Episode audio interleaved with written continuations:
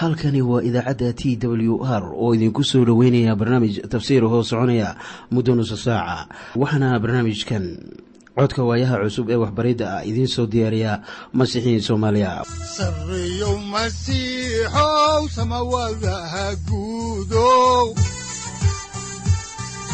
Siraadkii adduunkow subanaha eebow sareyow masiixow samawadaha guudow siraadkii adduunkow subanaha adigoo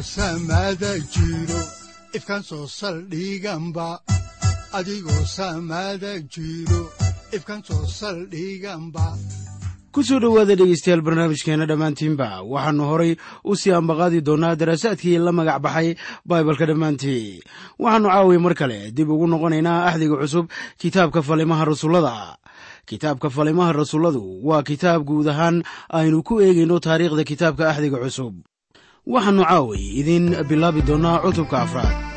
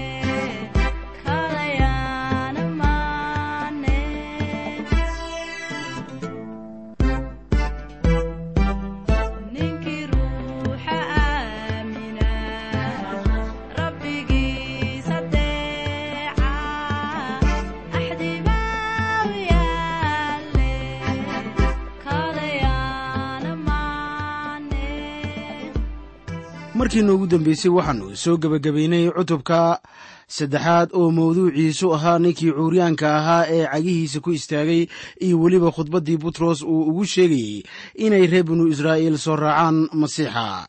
Ilaa iyo markaa waxaa kiniisadda hogaaminaya yuhuud oo weli quruumaha uma ayan soo gudbin.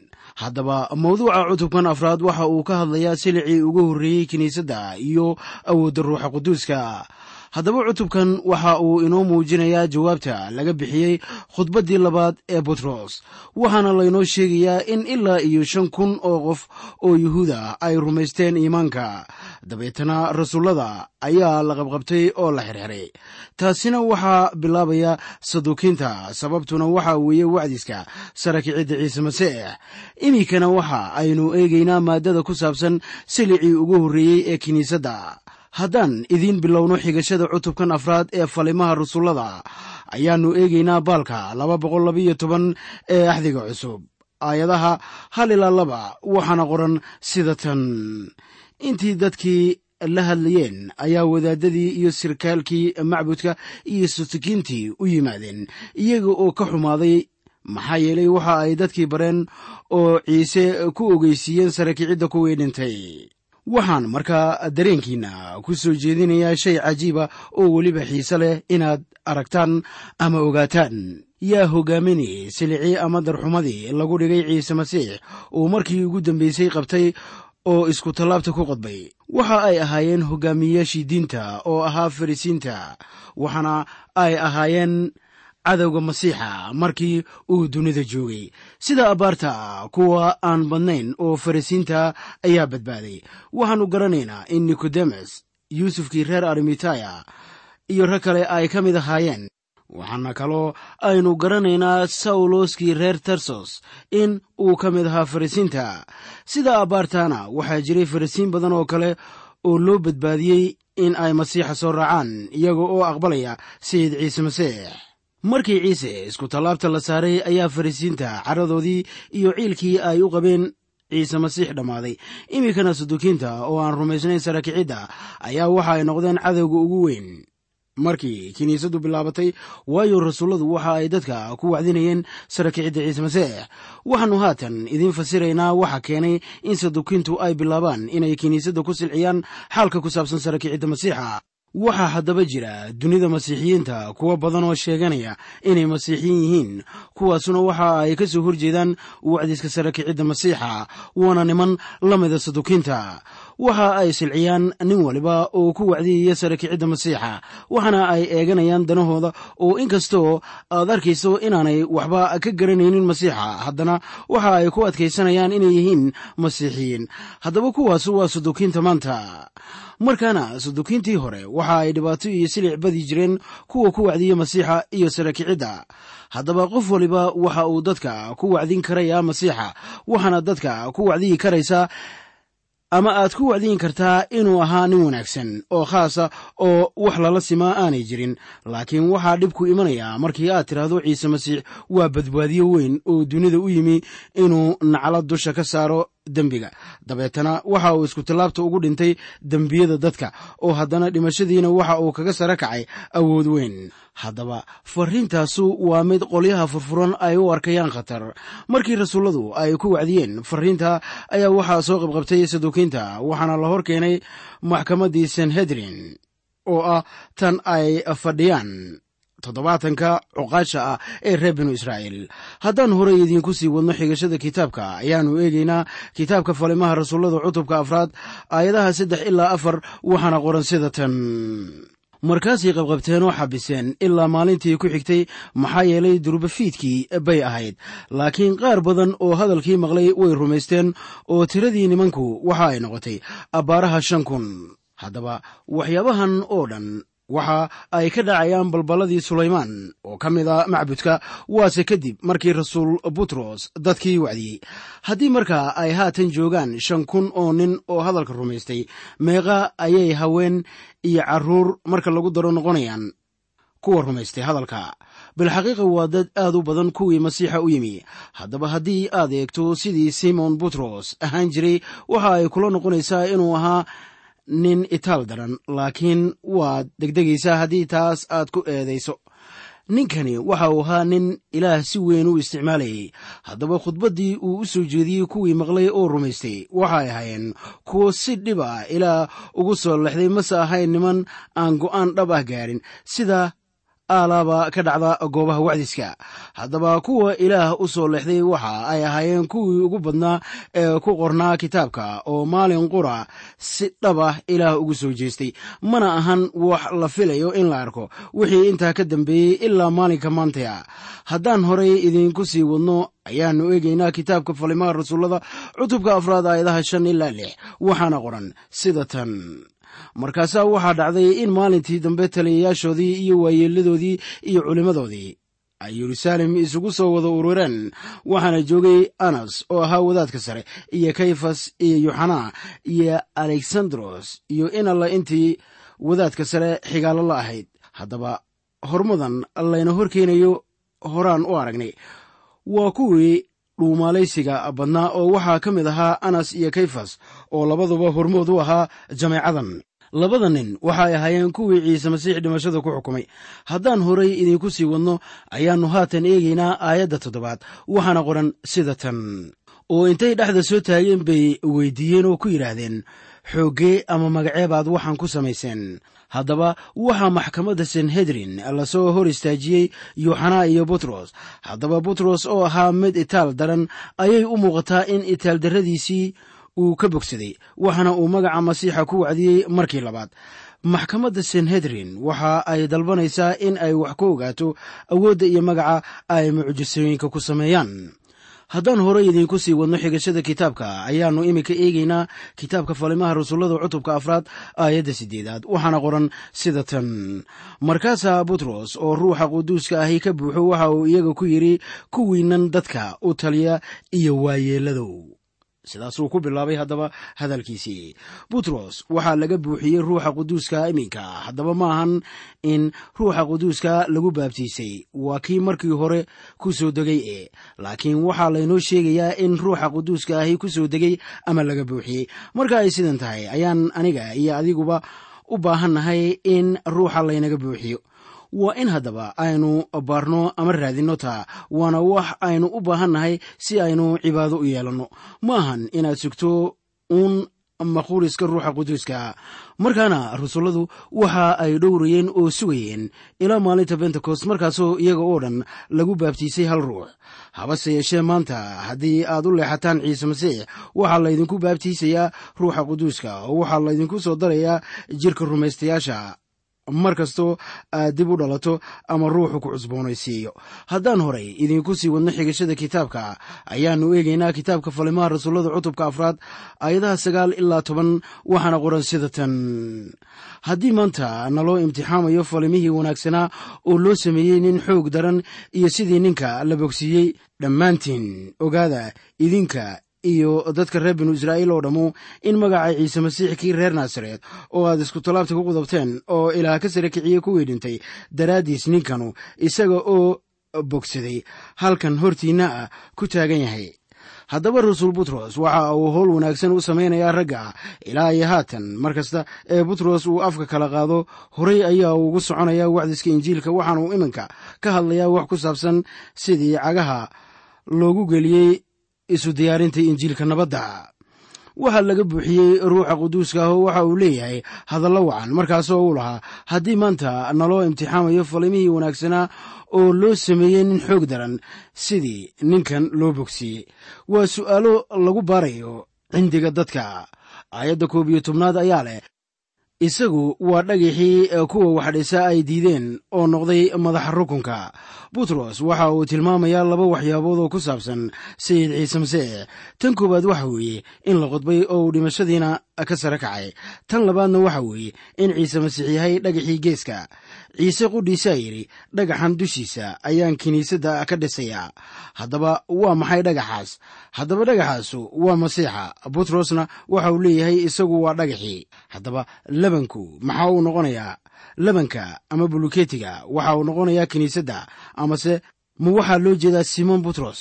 Maya waa ciise masiix kii reer naasaret waxa uu noqday madaxa rukunka waxaa hawshaas soo dhammeeyey sarakiciddii ciise masiix waxaad haddaba ogaataa in sarakicidda ay saldhig u tahay wacdiska injiilka.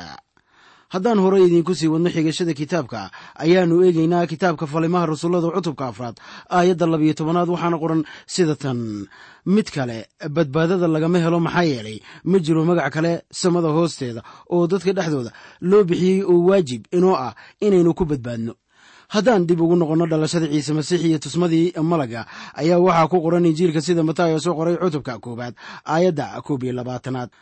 Sida tan markaasoo uu malagu lahaa oo waxa ay umuli doontaa wiil magaciisana waxaad u bixin doontaa ciise waayo dadkiisa ayaa uu dembiyadooda ka badbaadin doonaa. Marka sidaan aad arkayso ciise waa badbaadiye kaasuna waa magaciisa uu lahaa bilowgiiba oo markii aad aqbasho waxaad aqbalaysaa wax waliba ee khuseeya magaciisa. Waxaan markaa idiin sheegayaa haddii aad u timaadaan waxaad ugu imanaysaan badbaado. Ma jiro magac kale ee samada ka hooseeya ee ku badbaadin karaya. Sharcigu kuma badbaadin karo. Diinina ku badbaadin mayso. Xeerna ka sugi maysid inuu ku badbaadiyo. Hal mid baad ku badbaadaysaa waana magaca ciise masiix kan keliya ee badbaado laga helo ciise waa magaca shakhsiga dunidan u yimi inuu dadka ka badbaadiyo dembiyadooda. Markii qof isaga ugu yimaado rumaysad qofkaasu wuu badbaadayaa. Markaa ma jiro meel kale oo badbaado laga helo. Miyaanay ahayn wax lala yaabo inaan lagu arag wax kale oo badbaadin kara qof. Hadday noqon lahayd diin caado ama dhaqan.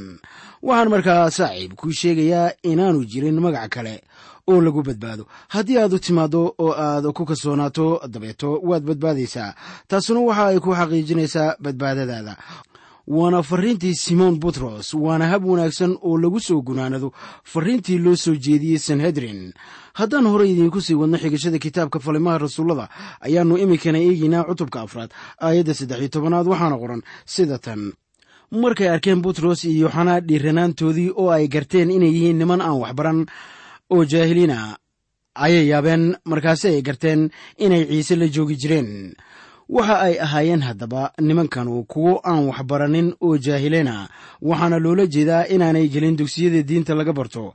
Laakiin toddobaatan kan waayeel ee garta u gooya reer binu israa'iil loona yaqaano sanhedrin ayaa waxay garteen inay ciise la socon jireen war maxay wanaagsan tahay in la lahaado nolol ku wajahan masiixa? Haddaan horay idinku sii wadno xigashada kitaabka falimaha rasuullada cutubka afraad aayadaha afar iyo toban ilaa shan iyo toban ayaa waxaa qoran sida tan markay arkeen ninkii la bogsiiyey oo la taagan iyaga waxba way ka oran kari waayeen laakiin intay amreen inay shirka dibadda uga baxaan ayaay wada hadleen. Miyay idinla tahay haddaba in cuqaashan u talisa beesha reer binu israa'iil ay taabatay khudbaddii butros. Maya oo innaba khudbaddaasuma taaban. Haddaan horay idinku sii wadno xigashada ayaa waxa ay ku qoran tahay ama laynoogu qoray aayadda lix iyo tobanaad hadalladan oo waxay yidhaahdeen maxaynu nimankan ku samaynaa. Waayo inay calaamo caana faleen waa u muuqataa kuwa yeruusaalem jooga oo dhan mana dafiri karno xitaa sodokintii maalinta ayaan dafiri karin mucjisooyinkii la sameeyey laakiin qolyaha furfuran ayaad garanaysaa maanta in ay taa ka soo horjeedaan kuwaasoo nool qarnigan koob iyo labaatanaad. Habase yeeshee haddii aad wakhtigaas noolaan lahayd way kugu adkaan lahayd in aad diiddo. Waayo sidooda oo kale ayaad waxaad odhan lahayd waayo inay calaamo caan ah faleen waa muuqataa dadka maanta ayaa waxa ay leeyihiin haddii aynu mucjiso arki lahayn waynu rumayn lahayn taas run maahan horumadan dadka ah rumaysan maayaan mucjisadan oo welibana adigu waxaad leedahay dabiicad la midatooda. Dhibaatada maahan ama kama iman maskaxda baniaadanka habase yeeshee waa dhibaato ka imanaysa niyadda qofka oo waa xaaladda qalbiga dadka tansharka ah. Rumaysadarradu kama timaado xaqaa'iq la'aan waase xaalad qulubta dadka ka imanaysa. Iminkana shirqool bay qoolayaan oo waxaay leeyihiin sida ku qoran kitaabka falimaha rasuullada cutubka afraad aayadaha toddobiyo toban ilaa siddeed iyo toban waxaana qoran sida tan. Laakiin si ayan dadka ugu sii faafin aynu cabsinno si ayan hadda kadib magaca ninna ugala hadlin. Markaasay u yeedheen oo ku yidhaahdeen inayan aslanba ciise magiciisa ku hadlin waxna ku barin. Habase yeeshee butros iyo yuxanaa su'aal bay taa ka qabaan. Haddaan mar kale idiin akhrino kitaabka falimaha rasuullada cutubka afraad aayadaha sagaal iyo toban ilaa laba iyo labaatan ayaa waxaa qoran sida tan. Laakiin butros iyo yuxanaa ayaa u jawaabay iyagiioo ku yidhi idinku kala xukuma inay ilaah hortii ku quman tahay inaannu idin maqallo idinka. Intaan ilaah maqli lahayn iyo in kale waayo waxyaalihii aynu aragnay oo maqalnay iskama dayn karno inaannu ka hadalno. Markaasay intay ka cabsiiyeen sii daayeen waayo waxa ay waayeen waxa ay ku taqsiiraan. Dadka aawadiis maxaa yeelay dadka oo dhammu waxa ay ilaah ku ammaaneen wixii la sameeyey. Waayo ninkii calaamadan lagu bogsiiyey waa ka weynaa afartan sannadood. Waxa ay markii hore kula ahayd in toddobaatankan waayeel ay u dabceen hadalka. Laakiin sidaan aragnayba uma ayan dabcen waxay ahaayeen kuwo u adag sida masaamiir oo qalbigooduna wuu adkaa. Haddaan intaa kaga baxno maaddadii hore ayaannu iminka eegaynaa maaddada khusaysa awoodda ruuxa quduuska. Si bal aynu xaajadan wax kaga ogaanno ayaannu haatan eegaynaa kitaabka falimaha rasuullada cutubka afaraad aayadaha saddex iyo labaatan ilaa afar iyo labaatan waxaana qoran sida tan markii la sii daayey ayaay intoodii kale u yimaadeen oo uga warrameen wixii wadaadada sare iyo waayeelladu ku yidhaahdeen oo dhan. Oo markay taa maqleen iyaga oo isku wada qalbi ah ayaay codkoodii sare ugu qaadeen ilaah oo yidhaahdeen rabbiyow adigu waxaa tahay kan sameeyey samada iyo dhulka iyo badda iyo waxa ku jira oo dhan. Butros iyo yuxanaa waa la sii daayey oo waxa ay ku soo noqdeen kiniisadda waxaana ay ka warramayaan wixii ay kala kulmeen wadaadada iyo odayaasha. Waxa ay leeyihiin rabbiyow adigu waxaa tahay kan sameeyey samada iyo dhulka. Haddaba miyaa ay ku xaqiiqsan tahay in ciise masiix yahay sayid. Welibana sayid ciise masiix waa wiilkii ilaah. Waxaad mooddaa inay jiraan jamaacooyin fara badan oo aan xoogga saarin muhiimadda injiilka ee ah in ciise masiix yahay sayid. Waxa ay ka hadlaan waxyaabo aan taabanaynin runtaas. Haddaan dib ugu noqonno kitaabka falimaha rasuullada ayaannu eegaynaa cutubka afraad aayadaha shan iyo labaatan ilaa lix iyo labaatan waxaana qoran sida tan. Kii ruuxa quduuska kaga hadlay afkii awowahayo daa'uud oo ahaa midiidinkaagii oo yidhi qurumuhu maxay u caroodeen dadkuna? Maxay uga fikireen waxaan waxba ahayn. Boqorrada dhulku col bay u taagan yihiin taliyayaashuna intay iswada uursadeen ayay ka soo horjeesteen rabbiga iyo masiixiisa. Haddaba waxaa la kaamilay hadalladan ku qoran zabuurka labaad markii ciise masiix isku tallaabta la saaray. Markaana nacaybka loo qabo ilaah iyo masiixa ayaa waxa ay soo socotay kun iyo sagaal boqol oo sannadood in ka badan ugu dambayntiina xaaladdu faraha ayaa ay ka bixi doontaa dadkuna waxa ay la imanayaan caasinimadoodii ugu dambaysay oo ilaah looga soo horjeedo. Haddaan horay idiinku sii wadno xigashada kitaabka falimaha rasuullada cutubka afraad ayaa waxaa ku qoran aayadaha ilaa sida tan. Waayo waxaa runa in magaalada gudaheeda herodos iyo buntios bilatos oo ay la jiraan dadka aan yuhuudda ahayn iyo dadka reer binu israa'iil iyaga oo ka geesa ciise midiidinkaaga quduuska ah oo aad subagtay ay is urursadeen inay sameeyaan wax alla wixii gacantaada iyo taladaada hore u gooyeen inay noqdaan. Laakiin rabbiyow eeg wayna cabsiinayaane haddaba addoommadaada sii dhiiranaan oo dhan oo ay hadalkaaga ku sheegaan. Haddaba waxaa xamaasad igelinaya hadalladan. Taana waxaa loo odhan karayaa waa hadallo wanaagsan iyo ilaah ammaan waxaana la yidhi waxa ay nimankanu ahaayeen rasullo iskumaan iyo talo ah. Waxaase ogaataa inayan ka tegaynin ilaa uu dhammaado silca lagu hayo. Waxa ay ilaah weydiisteen inuu siiyo dhiiranaan ay hawsha ku wadaan. Nimankanu ma ahayn niman lagu cabsiin karayo silic ama rafaad waayo iyagu waxay u ga-een ciise masiix. Haddaan horay idinku sii wadno xigashada kitaabka falimaha rasuullada ayaannu haatan eegaynaa cutubka afraad. Aayadaha soddon ilaa saddex iyo soddon. Iyaga oo weli sii tukanaya ayaa ay markaa rasuulladu leeyihiin intii aad gacantaada u soo fidinaysid si aad ugu bogsiisid si calaamooyin iyo yaabab ugu samaysmaan magaca midiidinkaaga quduuska ah ee ciise oo markay tukadeen dabadeed meeshay ku urursanaayeen baa gariirtay oo dhammaantood waxaa ka wada buuxsamay ruuxa quduuska oo hadalkii ilaah bay dhiiranaan ugu hadleen. Oo intoodii badnayd oo rumaysatay isku qalbi iyo isku naf bay ahaayeen. Midkoodna ma odran waxaan leeyahay waxa oo waa waxaygii. Laakiinse wax walba way ka dhexeeyeen oo rasuulladii xoog weyn bay sarakicidda rabbiga ciise masiix ugu marag fureen oo nimco badan baa dhammaantood ku soo duldegtay.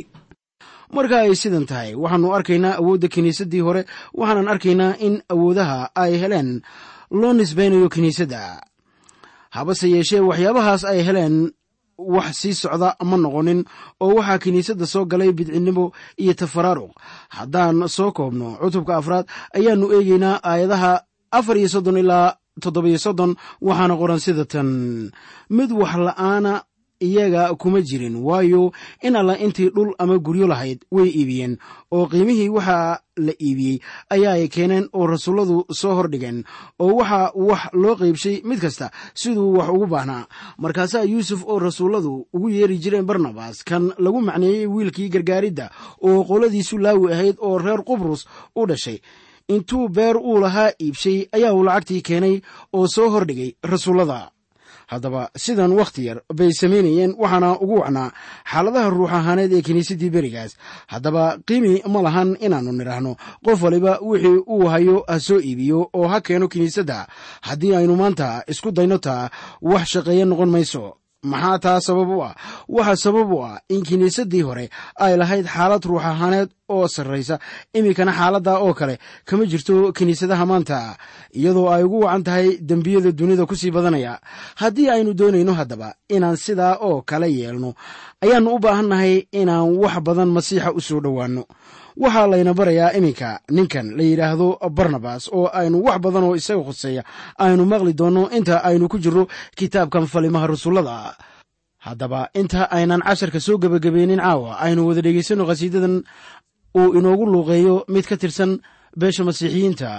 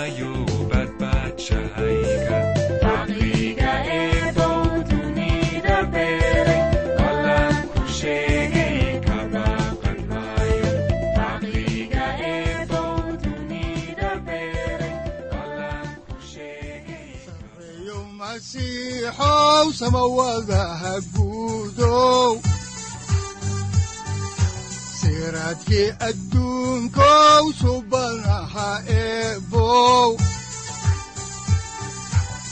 adigoo samaada jiro ifkan soo saldhiganba adigoo samaada jiro ifkan soo saldhiganba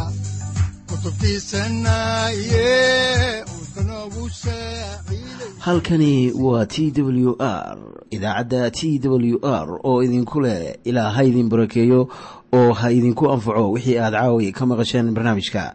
Waxaa barnaamijkan oo kalaa aad ka maqli doontaan habeen dambe. Hadahan oo kale haddiise aad doonaysaan in aad fikirkiina ka dhiibataan wixii aad caawi maqasheen ayaad nagala soo xiriiri kartaan som t w r at t w r c o k e haddii aad doonaysaan in aad dejiisataan oo kaydsataan barnaamijka ama aad mar kale dhegaysataan fadlan mar kale booqo www t w r o r g. Amase www t t b t w r o r g.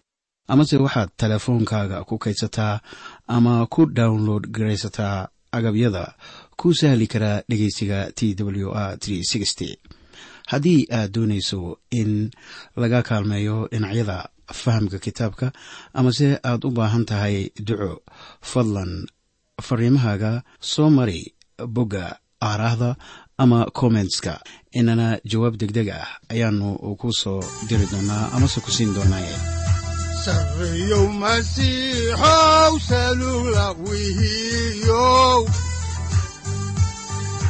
saacadda timid dhulka sabada ku dhalatiyo